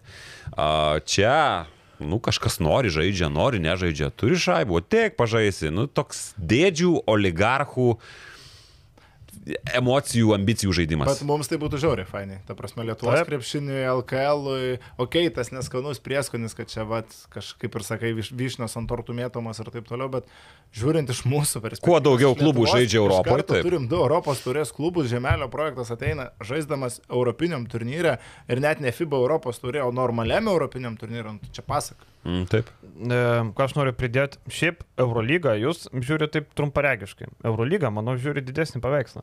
Žemelio klubas gali būti dar rimtesnis. Ta pati arena bus, Vilnius, ko mes dabar neturim, bet bus. Pinigai yra ir kiek aš žinau, Žemelio Hebra labai aktyviai, labai aiškiai par pasako organizacija, kad žiūrėkit, mes busim tokie ir tokie, mūsų planai tokie ir tokie, mes turim tą ir tą. Ir šiaip žemelis, nu žinai, kai tu pasižiūri, ne šiaip žemelis yra dėdė iš Jonavos, Vaidas, kur ateina su karmonėliu tokio atidaro pinigai. Tai yra avialinijos, tai yra didelis biznis, tai yra pelningas biznis. Ane? Tai ne šiaip dėdė iš Jonavos. Tai va tik ir klausimas, ar patikės a, Eurolyga tą idėją. kad, O kažkas sudėdė iš Jonavos blogai yra. Ne, nieko. Ne. Tai čia vietinės reikšmės, ta prasme, kad Taip, jis taip. neteina į Eurocapą, žinai. Tai yra tarptautinio masto mil, milijardierius. Tai Nu, faktas. tu supranti, kur tiek avialinių yra bazės įkurtos lėktuvų taisymo, taip toliau, kargo daug atlieka dalykų, taip. Čia nėra ką kalbėti. E, geras klausimas. Ką visi ekspertai dabar galvoja apie prognozijas finalui? Kuo remiantis iš jūs buvo daromos prognozijas, bet laimės Lietkabelis, jei rytas buvo reguliaus sezono laimėtojai? Savo subjektyvę nuomonę buvo daromas prognozijas remiantis. Nu, taip, tiesiog požiūrio kampu. Aš sakau, aš neprognozavau, nes nebuvau tą savaitę. Jūs prognozavote ar ne? Mes ne, mes su Olgiu kalbėjom, aš prognozavau ryto pergalę. Aš su Jaručiukai sėdėjom, gal ten įsprūdo, kad manau, bet jau tuo metu buvo 1-0 Lietkabelio. Taip, taip, Ir, nu, sakiau, kad tokiai galvoju, kad Lietkabelis turėtų galbūt pasimti šitą seriją, galbūt 4-2, bet tai nebuvo, kaip čia, kad prieš tai rašėmės. Bet jo, aš galvojau prieš seriją, kad Lietkabelis laimės. Tuo metu atrodė taip Lietkabelis geros fizinės formos pasiemė žalgerį ant psichologinės bangos. Ryto žaidimas iki finalo man kėlė klausimų, nes pralaimėta kartą Šiauliams, pralaimėta kartą Dzukijai, komandos panašaus pajėgumo ir aš galvoju, kad psichologija pasims tiesiog lietkabelis, galbūt to fiziškumu. Mes nežinojom, kad subirės psichologiškai panajotis Kalaidzakis, kad Gediminas Relikas bus toks, koks yra čia. Po laiko labai lengva kalbėti. Čia daug kas. Šarūnas Įsikevičius pasakė, kad lietkabelis yra favoritai. Tai ką mes čia žemės krimineliai a, ne, neturim teisės. Aš tai prašaut. pavadinčiau iš vis tarakonais. Visi šitie dalykai yra tau pasakyti teisingi. Dar pridėčiau vieną, nu, ma, aš negaliu, ta prasme, ir mes darom Q&A ir mažiausiai būna penki klausimai. Ir jie būna paskui sulaikinti, paprognozuokit tą ir tą. Mhm. Ir paskui, nu, prognozijas, tai ok, kad žmonės prašo ir mes paprognozuojam ir viskas tvarkoja, bet prognozijas tam ir yra, kad jos būtų arba patvirtintos, arba paneigtos. Ir daug įdomiau dabar yra turėti visą tą aplinką, kai rytas visas tas prognozes suskaldė į šipulius. Ir aš nežinau, nu, normalu yra tikėtis, arba vėlgi sakyti apie Speedy Smithą spalio, lapkričio mėnesiais, kad jis buvo toks, koks buvo, nes jis toks buvo. Lietkabelis vėlgi buvo ant bangos po serijos su Žalgiriu, jis atrodė labai solidžiai, jis atrodė, aš, prisipaži... aš nežinau, ką aš būčiau prognozavęs, bet uh, tikrai buvo prieš seriją, 50-50 serija, kad tu Lietkabeliui gali atiduoti netgi ant to emocinės bangos, gali bandyti atidavinėti pranašumą. Ir čia reikia pripažinti, žiūrėkit, po to, kai Kazis Maksvitis atėjo į Žalgirį, būtų duotos apklausos krepšinio treneriam, teisėjam, lygų vadovam, žaidėjam, žurnalistam. 95 0,5 procento būtų pasakę, kad Žalgiris taps LKL čempionu, tai apie ką mes kalbam. Nu, 4 su... procentai būtų sugadinti pilietėlį, nupieštų pimpalą. tai apie ką, apie kokią šią mes. Tai labai džiugu, kad ne visada prognozijas pasitvirtina. Jeigu prognozijas visada tvirtinus, tai apie ką būtų sportas, apie ką būtų krepšinis. Apie Spydį Smithą dar Vilių norėjau apginti, kad uh, jo žaidimas nepasikeitė, jis toliau tą patį darė, tik tada jis laikydavo kamalį ir nepataikydavo, dabar jis laiko kamalį ir pataikė. Tai matėm netgi Vilių tose finalinėse paskutinėse rungtynėse po taimauto ataka. Smithas visą ataką pradročino kamuolį, gauna bloką ir juos išgelbėjo atkovotas kamuolys. Tai apie ką mes kalbam? Tai va. Pradročina.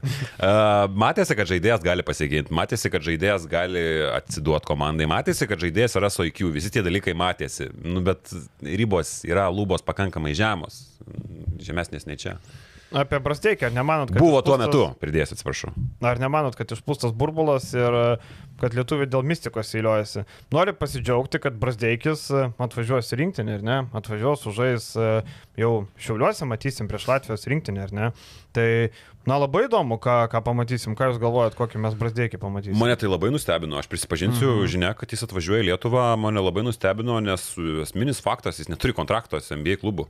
Gal yra žvilgsnis į Europą, gal čia kažkokia idėja, nes, nu, kažkokia idėja turi būti, jis yra amerikoniškos kultūros žmogus, jis yra žmogus, kuris niekada nežaidęs už jokias Lietuvos rinktinės, jis neturi to, kaip Vanagas pasakytų, vyčio geno savo kraujyje kažkokio, nu, jam, nežinau, man taip atrodo, bet uh, smagu, kad jis yra čia, kad bus čia ir kad sužais, ir kad mes pamatysim, čia yra esmė, kad pamatysim, o ne koks jis yra dabar, nes jis mislė dar yra. Visiškai sutinku mislė, kurios mes, nu, ne, mes jį matėm visiškai kitokio krepšinio kontekste ir tiek. Tai dabar pamatyti europietiškam krepšinį aš hypo per didelio galbūt neturėčiau irgi, nu, nes žaidėjas nežaidęs niekad Europoje, bet pasižiūrėt bus žiauriai įdomu. Čia viena iš didžiausių vasaros intrigų. Apie tos draudimus šiaip vakar įdomus dalykas buvo, Slovenų portalas paviešino, kiek kainuoja draudimas Luka Dončičiaus. 100 tūkstančių kainuoja Baksto draudimas Dončičiaus. Ir slovenai neturi ne va tokių pinigų, ten Gorno Dragičiaus 15 tūkstančių, nu, ten ašaros, kaip sakant, bet Luko Dončičius 100 tūkstančių kainuoja draudimas. Wow. Šiaip Luka pats galėtų tą 100 štukų. Galėtų susimokėti, realiai taip. Tu čia gerai pasakei, jo kontraktas ten įspūdingo dydžio. Ar ne, e, sudėjus total viską, ką jis pasirašys su Dalusu, tai blemba, nu, tikrai 100 tūkstančių galėtų įsimest. Tu pats važiuoji žaisti langus, pats susimokė, nu čia fantastika, šiaip. čia Arvido Sabonio toks atsidavimas. Taip, taip, taip. Plius, nu, Luka yra, Luka yra Slovenija, Slovenija yra Luka šiuo metu, tai jam tas šimtas tūkstančių, nu, kaip mums kebabą nusipirktas. Arba jam e, alaus, 05. Prieš mačą su Warriors. ten ne, neteisybė, šiaip nebuvo, jis ten prieš mačą Warriors. Nu, vieną dieną anksčiau. Ta prasme, neišvakarė. Ką sako, feikas iš viso link buvo, ne? Ne, pats Dalasasgi pasakė. Ir keli žmonės, nu, labai daug žmonių tvirtino, kad e, nepaisant to, ką Dalasas iš pradžių sakė, kad sakė, kad ne ten ir panašiai. Daug kas ten tvirtino Twitterį, kad, nu, iš tikrųjų tai buvo. Bet čia spekulacijos. Įsivaizduojat, kokia reklama būtų, jeigu ten būtų, aiškėtų, koks alus ten yra. Lem, aš ir pasimčiau iš karto. No. Hmm prieš, prieš kitą kartą, kai 3 prieš 3 žaisim, iš karto išaučiau. E, klausimas buvo, ar nemanot, kad Lietkabelis savo melgesių pasakymais suprastino savo įvaizdį būtent finalo serijos metu. Turime omeny Čanoko elgesį, žaidėjo pasisakymus apie biudžetus e, ir taip toliau. Kas galvot? Manau, kad ne emocijos. Lipkevičiaus gali čia labai daug nurašyti konferenciją po kažkurių rungtynių panevežį. Po panevežį paskutinių. Labai daug gali pasakyti, labai daug kas man nepatiko, bet ten buvo emocijos, labai emocinga serija ir aš tik į tai remiu viską. Nu, nes tiesiog Čanakas, vėlgi emocijos, pasisakymai, vėlgi, nu, Rytas irgi ten lindo į akis žaidėjai, kaip tie patys alkani šunys ir panašiai. Nu, tas užnisa ir patį lietkabelį. Ir ryto žaidėjus kai kurie dalykai užnisa. Tai labai daug emocijų ir aš nieko čia nesakau, kas čia ką pakeitė įspūdį, kažkokį įvaizdį savo. Niekas nieko nepakeitė ir viskas buvo gražu. Man tai irgi niekas čia nieko nenusimušė ir dar ten apie Čanaką mes kalbėjom kaip apie variantą Žemelio klubų, iš esmės sako Cerbas, gal ne kokios a, asociacijos, aš nemanau, kad Čanakas labiau tapo nemėgiamu Lietuvoje. Cerbas, nu tai Serbas. Panevežys Beje, reikia turbūt paminėti, kad a, susilaukėm tikrai daug komentarų apie tą skanduotę Fakių Serbiją, tai jos organizuoti vis dėlto iš tikrųjų nebuvo. Daug žmonių taip pat Ten buvo pavieniai kažkokie. Pavieniai gal kažkas ir šaukia, bet, nu, turbūt reikia, jeigu jau praeitam Taip, taip. sakėm, kad buvo, tai pabrėšiu, kad, nu, organizuoti to tikrai nebuvo, kas yra labai džiugu ir sveikintina, kad, na, nebuvo nusileista iki tokio lygio. E, apie tuos, man tie pasakymai apie biudžetus nepatinka. Man Atsigerk atrodo, Vandens viliu, Jėzus. Nebėra jau. man atrodo, tai atsistok, nueik pasimk ir įsipilk.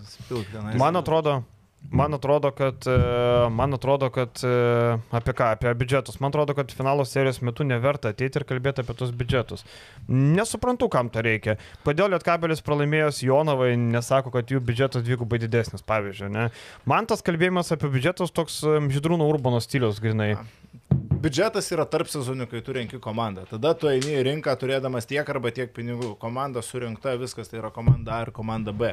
O kad tas žaidėjas gauna tiek, kitas kitiek, nu tai, tai sezono vertė galų gale. Tai skaičiuokim, okei, okay, tai dabar šitas šiuo metu jau yra vertas pagal ten paskaičiavimus 250, šitas 150. Prieš sezoną tiek, o po sezono bus tiek vertas. Tai taip tada pradėkime vertinti. Nu, Jo, skaičiuoju, kad, pavyzdžiui, Aurelikas nebe ten em, 60, o 130, ne? Perskaičiuokim tas vertės. Jo, tada perskaičiuom, Džordžią Gagičius gal 100 pėm gaus, nebe 8.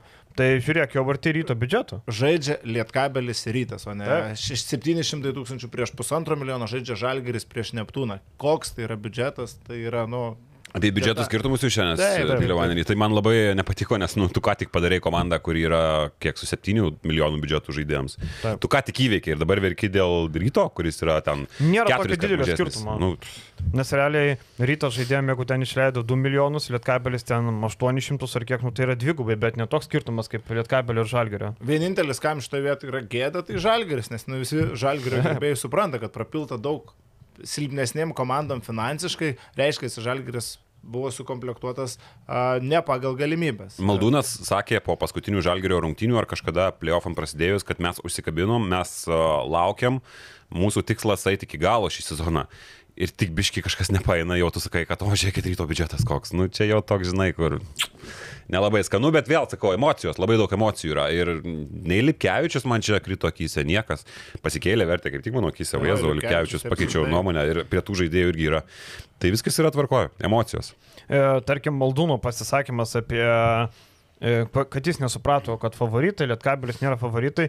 Čia galima pateisinti, nes e, aš irgi, pažiūrėjau, spėdamas, kad rytas laimės, irgi kažkaip e, galvoju, blemba, tiek daug žmonių spėja, kad Lietkabelis laimės. Tai aš suprantu šiek tiek maldūnų nuostabą, kad e, juos pastatė. Bet e, ta nuostaba turbūt iš to yra, kad, nu, maždaug gal reikia nusimti tą tokį, kad mes čia favoritai.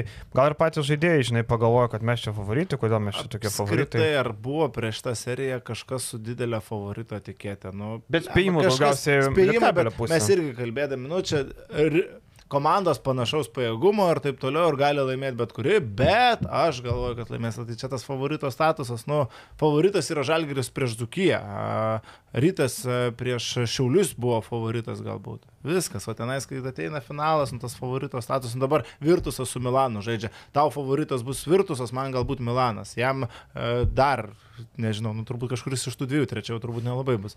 Bet, nu, esmė, kad ta favorito etiketė vienam yra viena, kitam kita, čia nėra vieno atsakymo. Na, apie Virtusas e, prisiminiau gerą etiketę, jeigu Džordževičius vėl laimės Turkijos čempionatą, tai jis taps pirmų trenerių istorijoje, kuris dviejus metus laimėjo čempionatus ir dviejus metus išlės atleistas. Nes pernai taip atsitiko Virtusai, šiemet taip pat atsitiks Fenerbakčiai, nes Dimitris Itudis jau ten Fenerbakčio vardų žaidėjus vilioja. Tai Pierre Henry, mat, matėt, kaip vakar įsikalnėjau paskutiniam sekundėm Ne. no. su kamuoliu driblinguodamas finale prieš Landalo FS. Nu, ten, pažiūrėkit, ne vakar, už vakar. Už vakar, už vakar. Mhm, Ne. E, kitas klausimas buvo, jeigu Žibėnas lengvai sutvarkė su Lietkabeliu, kodėl Maksvytis nesustigavo komandos, kad išryškintų silpnasis vietas. Netikiu, kad žalgerio žaidėjai tiek prasti, ar tai rodo žemesnį Maksvyčio kompetenciją. Čanakas, ai, Žibėnas, kodėl? Žibas. Tai Žibėnas, nu irgi visą sezoną su to komanda dirbo, tai tu turi laiko pasiruoštam žaidimui, tavo komanda, tu nesiruošia tik prieš lietkabelį, jis dėlioja visą tą komandą visą sezoną, bet sutinku su intencija, kad Maksyvytis nepadarė savo darbo tobulai, jis ir pats tą, tą pripažįsta. Ta prasme, kad galėjo Žalgiris laimėti tą seriją, jeigu būtų žaidęs protingiau ir žaidęs geriau, faktas, kad galėjo. Bet kelios dar priežastys yra šalia to. Margeris Normantas, Spydys Mitas, Butkevičius, Kariniauskas, Radzevičius, nu, Liackas. Žaidėjai perimetrė galintys girti, ginti šitam lygiai aukštų lygių. Kiek aš išvardinau žaidėjų, pakankamai nemažai. Kiek tokių žalgeris turi? Nu, labai. Zero, gal net kur, sakė žmogus, kuris čia kažkada sėdėjo. Zero. Ir kai tu turi žaidėjus kitoj pusėje kaip Kalidzakis, Orelikas, Radičevičius, nu tau tokių žaidėjų labai reikia. A, Maksvytis jų neturėjo. Kadzilakis? Kadzilakis. E, Maksvytis tokių žaidėjų neturėjo ir Žibėnas savo turimais įrankiais padarė gerą darbą, bet jis turėjo įrankius vis tik. Tai O tu girdėjai apie Panatnaiko norą įsigyti? Pat- Kadzilakį. Buvo. Tai ir? Olimpiakosas Ir Kadzilakis. Olimpiakas, taip, ne tik ir Olimpiakas, šiaip tai Olimpiakas ir Panatinaikas čia iš Meškonio atėjo. Atsimenu, atsakydavo Panaikas, Olimpiakas, bet taip atsit ir turi būti. Dar vienas faktorius, tai motivacija visai kitokia. Rytas turėjo vienokią motivaciją, Žalgerio žaidėjai turėjo kitokią motivaciją. Čia irgi labai didelis reikalas. Plus Žalgerio žaidėjai buvo paimti žaisti austrišką, vokišką G lygos krepšinį. Rytas susirinko komandą pagal tuo metinius trendus. Rytas nesusirinko komandos pagal jokius ten gudrius kanonus. Susirinko komandą, kuri galėtų keistis gynyboje, kuri turėtų išreikšti aukštų ūgį, ant, žai, ant kurio gali žaisti e, paustę ir e, metikų pakankamai, nors trūko dar vieno metiko. Šiaip vis tiek man kirba tas klausimas, galvoju, ar jisai ne, taip ir nebus atsakytas, ar Žalgiris tai būtų subirėjęs su Jūras Dovcu, ar jeigu būtų išlaikytas tas testinumas ir būtų leista dirbti iki galo, nes tie pokyčiai, kad naudos nedavė, tai faktas, ar jie davė, ar jie davė žalos, mes nežinom, nes nu, komanda turbūt buvo kažkiek išbalansuota, vėl reikėjo persiorientuoti. Mes, nu tiesiog šito klausimo. Man labiau klausimas, nes aš savo versiją turiu dėl Zdovco, kad komanda ėjo į apačią, bet kokiu atveju. Bet uh, čia mano versija. Bet man labiau klausimas dėl Mūdį yra. Oi, tai čia... šis- Oi. Čia, Faktas. man atrodo, pasaulyje yra daug neatsakytų. Yra tėviai, kas pastatė Egipto Kaip piramidės. Sabonis ten. NBA būtų iki traumų atrodęs. Taip, čia yra daug tokių dalykų. Čia, žinok, niekas neatsakys. Paliksim, paliksim tai. E, Dar vienas klausimas buvo apie žalgerį. Na, jeigu jums netinka Kristas Džonsas, pasiūlykit savo žaidėją tokojantį gynėją, kad būtų pagal žalgerio Čia kišenę. naujas šitą blemą aš Nu, koks naujas? Nu, tai Kristas Džonsas tinka ar netinka? Aš jau sakiau. Ma aš sutinku su jumis, su, su tavim Relgiu. Nu, tu Už negali. 800 per daug. Taip, taip, taip. Tu įteiksi žaidėjai karjeros kontraktą. Ne žalgariai mokėti karjeros kontraktus. Uh, yra plėtkų, kad uh, labai gali išsiskirti vienas žaidėjas uh, Žalgerio komandoje kitais, kitą sezoną atlyginimu ir tai nėra legionierius. Tai yra Marius Grigonis, bet ar jis išsiskirs, pamatysim. Matai, matai. Tai čia atakuojantis gynėjas. Čia atakuojantis gynėjas. O iš, ir jeigu reikia jau taip šaut kažką, ką jau paimtumėt, nu, tai nei tas Waltersas, Aš irgi. Taip. pinigus, Eurolygos patirtis buvęs Kaune, žinai, plus minus ką gausi, neblogo lygio žaidėjas. Žinot dar kokią aš ištrauksiu arklį? Šabazą Neipierą. Jo, geras, geras. Buvo labai solidus, man žiauriai patiko. Mačiau ir rungtynės e, pasiruošimo tos menka vertės komandų pavadinimu Zenitas. Uh, labai gerai atrodė, ten 30 iš 30 taškų buvo įmetęs, matė aikštę, greitas, pirmas žingsnis, uh, metantis po driblingo žiauriai aukštos klasės ir intrigavo labai prieš lygos startą. E, Nežaidė sezoną, taip ir negryžo ir, nu, beproto įdomu, koks jis bus. Bet vėl žalgiui imt antrus, trečius. Bet tai nereikia visų obolių į šitą pintinę sudėti. Ta prasme, kaip pernai Žalgeris viską ant mūdį pastatė, nu ir iš esmės ant strėlinio. Aš galvoju, kad nu, tą perimetro grandį tiesiog didesnė komplektuoti iš savęs. Reikia trijų legionierių. Apskritai, nu, čia va jau yra iškart problema, jeigu mes prie Žalgerio perinam, kad jeigu lieka, nu Lekavičius tikrai lieka čia viskas tvarkoja, jeigu lieka Kalnietis ir ateina Dimša, apie ką irgi kalbam, nes Dimša turi kontraktą, Yes. jau yra per daug balasto. Tada Negražiai Lukošiūno reikia, kur Ir dar, ir dar. Lukošiūnas turbūt gal yra antras, trečias. Tai nu, jau yra per daug. Arba Kalniečio, arba Dimšos nu, neturi būti. Ir tada dar trys legionieriai turi būti. Nes, nu, ką gali Kalnietis, nu, mes matėm, ką gali Dimša Euro lygoje, mes plius minus irgi įsivaizduojam. Reikia trijų dar normalių aukšto lygio perimetro žaidėjų, kaip kad Šabazas Neipiras, tarkim, Neitas Volteras ir dar pasimi Kailą Olmaną. plus turi šalia Lekavičių, jau turi keturis e, ir dar e, penktų gynėjų, tarkim, e, Dimša. Viskas. Va tavo gynėjų grandis. Kalnėtis nebetel pareiškia. Tai kalnėtis, kalnėtis nebetelpa. Arba kalnėtis, arba dimša out ir trys. Olmanas, Voltersas ir Vaneipiras ir turi Lekavičių. Nu čia Ir- aš dabar va, šią sekundę sugalvoju, čia gal... Jau Lukašiūną gynėjų- metam lauk, pasiemam Arną Butkevičių, Mulanovą į pakeitimą. Bet kad gynėjų grandis turi susidėti iš penkių, gal šešių žaidėjų, bet tai negali būti trys iš šio sezono, tai nu, man tai yra faktas. aš irgi, absoliučiai. E, Bet neįsivaizduoju, kad Arnas Butkevičius laimėjęs LKL perina į Žalgirį. Mm-mm. Sunkiai. Nors nėra, nu kaip, nėra nerealu, kad Kazys puikiai žino šį žaidėją, kaina įkandama. Bet Žalgiris turėtų permokėti Arnui, kad jisai eitų į Žalgirį, aš įsivaizduoju, nu, turėtų pateikti tokį pasiūlymą, kad jisai nuleistų 300? galvą. Gal net daugiau, žinok. Ar už manau, kad 300 Arnas Neverta, eitų? neverta. Tai aš ir mokėt. sakau, ar verta tada? Nu, gal ne.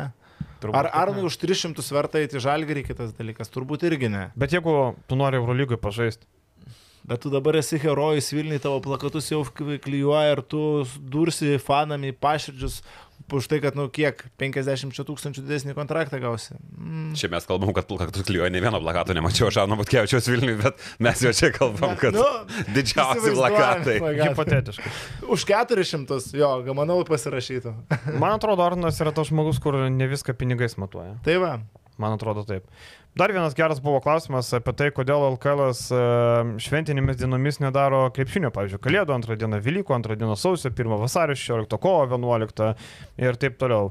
Em, Ką Jūs galvojat? Em, Nes tarkim, matom Anglijos Premier League, tas Boxing Day ir taip toliau, ar ne? Tie dalykai populiarūs NBA, e, rungtynės per Kalėdas yra prestižinės. E, Man irgi patiktų, aš už tokią idėją. bet kovo 11 tikrai nedaro. Žalgiris su Barsa žaidė kovo 11. Daro, daro. Čia, manau, Žalgiris prieš Barsą laimėjo tai- tada kovo 11. O dėl kalėdų pagailėkit stafo, kuris dirba iš kitos pusės. Žmonėms tai dirbti reikia operatorių. O NBA, atsiprašau. Nu, NBA, NBA ten, žinai, šaibas kitas virina. Mums mum niekas daugiau nemokės, kai kalėdų rytą. Apie Arną Butkevičių, vad ką tik kalbėjom, kad e, neįdomu jam šaibos, tai vad išiškėjo, vienas išlindo, kuriam Nu, labai įdomu. Tau dabar kalėdų pirmą dieną reikės važiuoti į Alitų komentuoti Zukiją nevėžys rungtynį. nu, Tu kraštutinumą įmėjo. Įmu kraštutinumą, nubliamba, nu. Tai tokių gal nerodės, bus normalus, pavyzdžiui, ryto žalgeris. Lietkabelis, nu Neptūnas. gal, tarkim. Šiaip kalėdiniu laikotarpiu aplink tą kažkas labai arenose žmonių skaičius padaugėja, ypatingai Vilniui, Kaune, Eurolygoje visą laiką, nes žmonės dovanoja bilietus su artėjančiom praėjusiam šventėm, galbūt kažkas aplink tas datas. Ir kitas dalykas, daug sugrįžę emigrantų kažkokiu būna trumpom atostogom, tai, tai šiek tiek tas skaičius padaugėja. Kiek tas populiarumas siektų per kalėdas, man sunku pasakyti. Aš asmeniškai nepasilgstu to. Man, man, man aš nėra. Nemanau, kad plūstų žmonės, tarkim, į arenas, nu ne apie tai kažkaip Lietuvoje, galbūt tos šventės yra, nėra tiek daug tų ir tų žmonių, kurie taip a, a, dėtų prioritetą eiti į rungtynės vietoj kažkokių savo pramogų, tai nežinau, aš tai galbūt... Įsivaizduoju, kaip skaudu būtų kokiam, nežinau, tarkim, lietuvis, nežinau, ten Lanovas, Butkevičius, dar kažkas, uh, kuris ateina žaisti per pirmą kalėdų dieną, ar ne, ir ateina pažiūrėti rungtynių tūkstantį žmonių. Žalgirio arena. Tu ką tik palikai nuo stalo, Jo. ten savo šeimą ir taip toliau, aš tai irgi ne, ne, nepasirašau. Nu, nežinau, jūs kažkaip e, labai jau. Bet televizijos transliacija turėtų būti populiarus labai. Reklamą brangiau parduoti. Gal. Irgi labai žiūrė, nu gal žiūrės krepšinį, man čia Nu, sunku. pavyzdžiui, ryto žalgeris 25 dieną gruodžio. Ką, Aš tai, aš tai noriu vienas namuose per kalėdą žiūrėti, o ne ryto žalgeris. Nežinau, arba Harry Potterį. Ne, 26, ne 25. Aš Harry Potterį tada žiūriu, ne žalgeris rytas. Eiktų. Taigi įdomu būtų, aš manau, kad žmonių daug. Nu, bet pažiūrėkit, dažniausiai būna 26 dieną žmonės išeina į miestą taip toliau. Tai Gerai, tu žiūrėk krepšinį, žiūrėsi Harry Potterį. aš nemėgstu Harry Potterio. n- Rimtai? Nežiūrėjau. Žiūrėjau pirmą dalį ir e, lauk. Aš visas knygas perskaitęs ir... Nu, tai tu fanas. Daug fanų, taip. Nei vieną burtažą čia nežinai. Ne, Vingardium Levioza to nieko nesako? ne vyrai. Nepykit. Ekspekto patronum irgi Bet ne. niekas nieko? Ekspertų patronam ne. Žinau tik patronai ir ekspertai. Du žodžius. Daugiau okay. nežinau. Gerai, dar užkabinsim kažką, gal kažką Nu, atsimenam. paskutinį gero? iššaunam. Nu, davai, sako, 3 prieš 3 komandą paimkite iš komentatorių, podcasterių, žurnalistų. Nu, tai čia labai rimta. Šiaip mūsų buvo, va taip, Aš nekeičiu. e, aš, nu, reikėtų pakeisti kažką, nes klausimas taip sąlygoja, bet iš esmės, e, vat, kur buvo toks krepšinis, kur reikia biški fizinio pasistumdymo, ten tas gatvės Mordobojus, kaip Brūžas sako, tai gerai, Blembolio laitis stovi drūtas vyras ant kojų. E, Tu irgi fiziškai pasiruošęs. E, Brūžas gerai kamoliuką trina. Nu, tokia komandėlė, kur, nu, kur tikrai viskas tvarkoj. reikia įtarp kažkaip, bet va, Nu. penkiese tada būsim. Tai jau, jau, jo. O jeigu Šiaip reikėtų... tai Vilius čia ne prie ko. Tai Ai. ne jį reikia, ne mane, ne, jį, ne mane reikia, tai po jį šiaip, Nu. jeigu ką. Bet Vilis, blema, gerai žaidžia. Gabrielę pridėkit dar ir turėsit savo komandą. Taip, Aš tada eisiu pas tėtris. taip. TV3 labai nuoskauda įdomu laiko, kad laimėjom. Rimas gali būt laikyti nuoskaudą, nes Rimas, irgi mačiau nusivylęs buvo. Rimas turėtų būti labai nusivylęs šiaip jau palyginus, kaip jam baigėsi. Nusivylęs Giuseppe Manas ar Skara? Čia du, taip, teisingas labai klausimas, e, du skirtingi asmenys. Tai mes renkamės komandas ar ne? Renkamės, taip. Lina Gerai. Kleizą įmam. Čia podcasteriai, Ai, nu tai blemba. podcasteris. Ne, bet tokių... Nu kodėl? Taigi podcasteris sąlyga. Vetuoju, vetuoju kleizą. Nes, nu tai viskas, nu tai ką, mačiulis dar tada... Nu, gerai, neimam Ne, ne, tokių. Nu Kleizos tai lekšą tada reikia imti. Tai kieno pirmas pikas? Tai nesvarbu. Vaskinam. Davai. Pambars, kombaras, Pamar- bet... Pa... Pamarskom. Aš pirmas. Pirmas. Lekšas. Pa, pa. Gerai. Lekšas. A, Rybakas. Geras. Ribakas? Ribakas, geras, neblogas. Laurinas Rybakas, tel ryto žaidėjas labai labai solidžiai. Gerai, aš Algimantą. Nu, vėliau. Vėliau. Laukus rašau. Tai palauk. E, tai dabar mano eilė. Ai, du, Taip. blemba. E, ir Liolaitė paimsiu. Blemba, aš būčiau Liolaitė ėmęs. Liolaitė įsineštų tokio, tokios blemba, tokio gero e, fizinio kontakto, tokio bizono. Nu. Ai, man dabar. Taip. Vėl. A, tai aš turiu Karolį paimk. Rybaką. Ne, Tretieką neimsiu, kas dar ten iš kitų nematytų. Ai, pasimsiu, žinau, iš žaidėjo reikia Kazlauską pasimsiu. Nu, geras. Taip, turim aš, Brūžas įžais, Liulaitė, da- dar vienas žmogus. Du paskutiniai. Malinauskas, Lukas. Ir dar vienas. Tai mes trys, ar čia po Ket, po keturis? keturis. Nu, po keturis. Tai atsarginė, ar tau nereikia? Šiaip sakyčiau, kad nereikia, bet... Kas šitokie geresni? Aš Dar. turiu vieną tokį paslėpęs kišenį. Dabar galvoju, man reiktų ūkio kažko, nes kitaip man pačiam reiks eiti. Išniauskas be raiščių. Paim Karolį Tiškevičių. Hebrytė, Žilva. Žilva. Aleksandravičių Žilva. Štai taip, apakė sėdit, ką? Bet tai palauk. Bet tai... Bet Komentatoriai buvo klausime parašyta, aš puikiai mačiau to Kleiza netinka. Ne, nu Aleksandravičius ir Gerai. Šležas tautas irgi turbūt jau. Netinka irgi. Šležas netinka, jo, bet ne- Žilva, Žil- Žilva tinka. Gerai. Seniai užmirštas, bet žaidžia labai neblogai. Gerai, aš tada traukiu.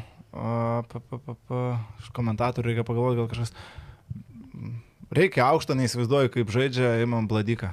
Badika. Na, Bet tai... ar jis aukštas? Aukštas, Aukštas? blemba. Nu, jis sėdėjo šalia manęs rungtynėse LKL paskutinėse, bet aš, jis nebuvo atsistojęs. Aš žinai, ką paimsiu. Ištrauksiu iš paraščių. Suduvos Marijampolės atstovas spaudai.